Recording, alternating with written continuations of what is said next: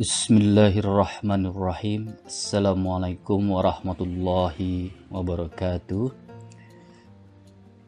Pada kesempatan kali ini kita akan membahas epistemologi Immanuel Kant.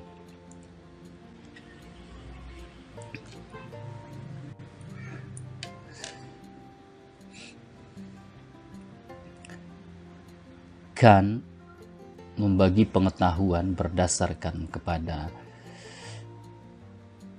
sumbernya ya, apakah berdasarkan pengalaman atau bukan ya.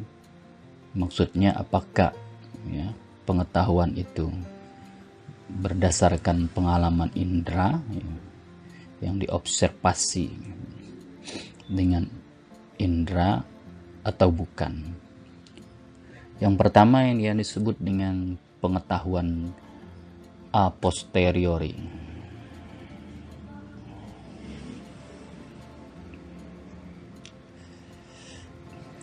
Lawannya adalah pengetahuan a priori. Apa beda antara pengetahuan a priori dengan pengetahuan a posteriori? Ciri pertama dari pengetahuan a posteriori adalah empiris.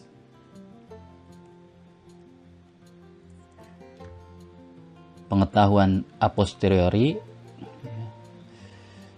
didapat atau diperoleh berdasarkan pengalaman indera. Sedangkan pengetahuan a priori tidak empiris tidak tergantung kepada pengalaman indera. Contoh ya, contoh pengetahuan a priori 2 ditambah 2 sama dengan 4. Kita tidak perlu melakukan observasi atau eksperimen untuk mengetahui atau membuktikan bahwa 2 ditambah 2 itu sama dengan 4. Walaupun mungkin ya.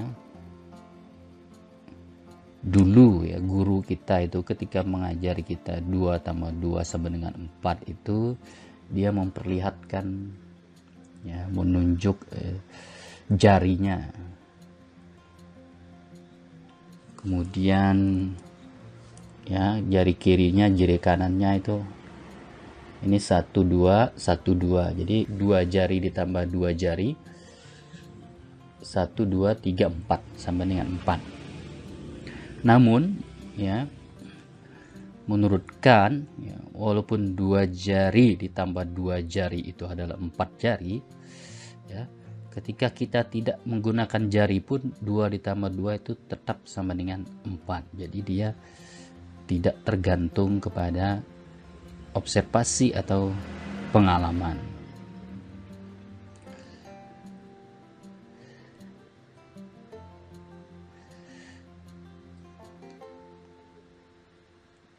Sedangkan pengetahuan empiris ya, tidak mungkin ya, diperoleh kalau tidak berdasarkan kepada pengalaman indrawi misalnya. Kita tidak mungkin mengetahui rasa kasturi itu apakah manis atau tidak ya, kalau kita belum mencicipinya karena itu pernyataan atau proposisi bahwa kasturi itu manis adalah pengetahuan a posteriori atau pengetahuan empiris.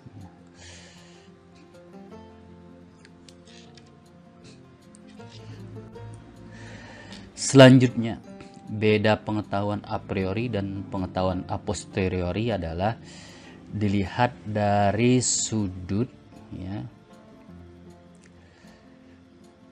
apakah ya dalam segala keadaan selalu begitu misalnya.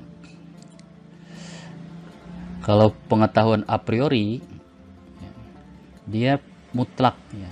Apa pun keadaannya, dua ditambah dua itu adalah empat ya. Tidak mungkin bukan empat ya. Jadi sebaliknya itu tidak mungkin. Apa pun keadaannya. ketika e, berbeda dengan pengetahuan a posteriori. Bisa sebaliknya, misalnya kasturi itu bisa manis, bisa juga tidak manis. Tetapi kalau 2 tambah 2 itu ya, harus 4, tidak bisa 2 ditambah 2 itu bukan 4. Tidak boleh ada eh, tidak terdapat kontradiksi di dalam pengetahuan a priori. Namun dalam pengetahuan a posteriori bisa sebaliknya ya. Jadi bisa berubah-ubah, bisa keadaan sebaliknya. Ada banyak kemungkinan. Di dalam geometri misalnya, segitiga selalu mempunyai tiga sisi dan tiga sudut. Itu a priori.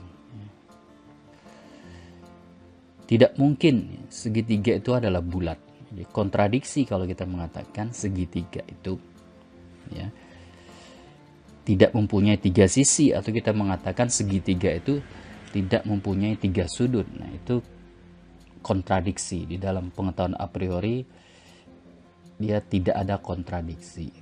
Namun di dalam pengetahuan a posteriori ya, kita bisa saja menemukan keadaan sebaliknya ya.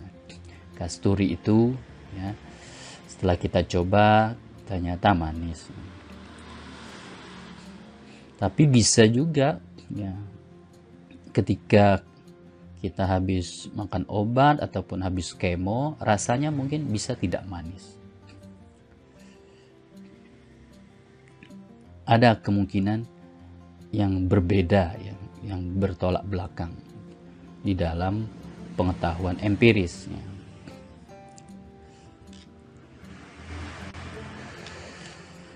Yang ketiga beda pengetahuan a priori dengan pengetahuan a posteriori adalah e, persoalan universal atau tidak universal. Apakah berlaku universal atau tidak universal? Dalam pengetahuan a priori, ya, universalitasnya itu tidak ada pengecualian. Selalu seperti itu. Jadi, dalam semua keadaan. Seperti tadi mutlak itu Misalnya semua segi, semua segitiga selalu mempunyai tiga sisi dan tiga sudut. Ya.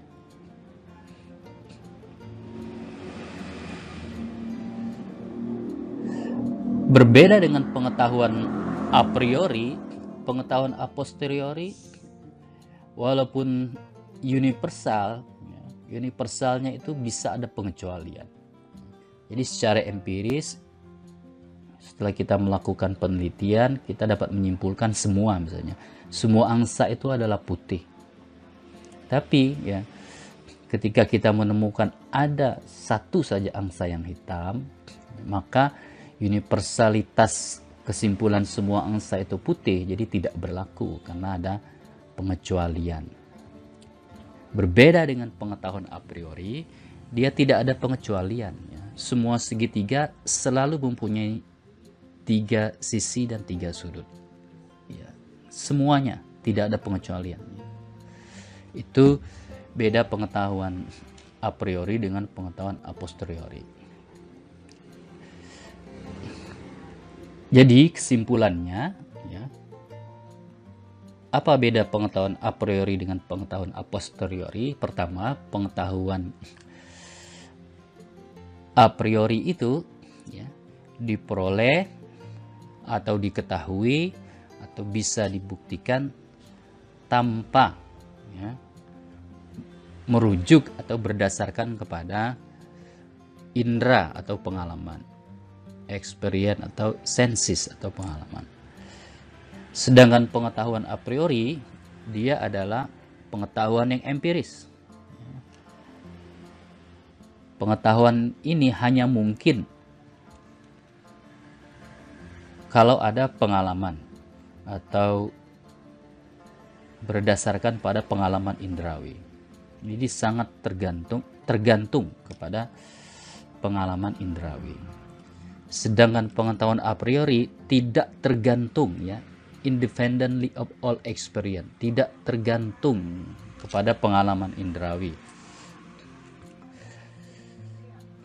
Perbedaan yang kedua, pengetahuan a priori ya,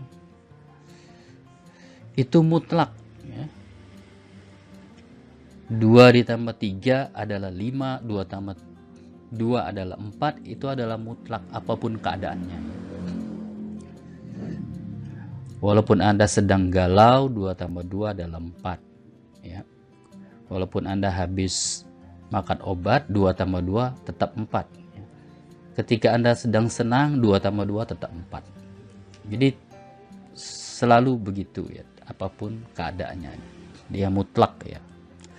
Sedangkan pengetahuan a posteriori dia tidak mutlak atau kontingent. Bisa saja ya. Kasturi itu manis masam. Bisa juga kita melihat daun itu ya. Karena pencahayaan lalu tampak hijau sangat hijau kemudian tidak ada cahaya lalu gelap jadi ada kemungkinan-kemungkinan perubahan-perubahan jadi dia tidak mutlak ya. bisa keadaan sebaliknya manis tidak manis selanjutnya Perbedaannya adalah dari sisi universal dan tidak universal. Pengetahuan a priori itu universal. Ya. Benar-benar universal. Sama sekali tidak ada pengecualian. Semua semua segitiga itu semua segitiga itu punya tiga sudut, tiga sisi. Semuanya tidak ada pengecualian. Kalau dia segitiga, ya pasti punya tiga sudut tiga sisi sedangkan pengetahuan a posteriori walaupun universal tapi universalnya itu bisa ada pengecualian ya. Jadi kita bisa mengatakan semua x adalah adalah y kecuali. Jadi ada pengecualian di dalam pengetahuan a posteriori. Demikianlah uraian tentang perbedaan pengetahuan a priori dan a posteriori sebagaimana yang dijelaskan oleh Immanuel Kant di dalam bukunya Critic of Pure Reason. Semoga bermanfaat. Assalamualaikum warahmatullahi wabarakatuh.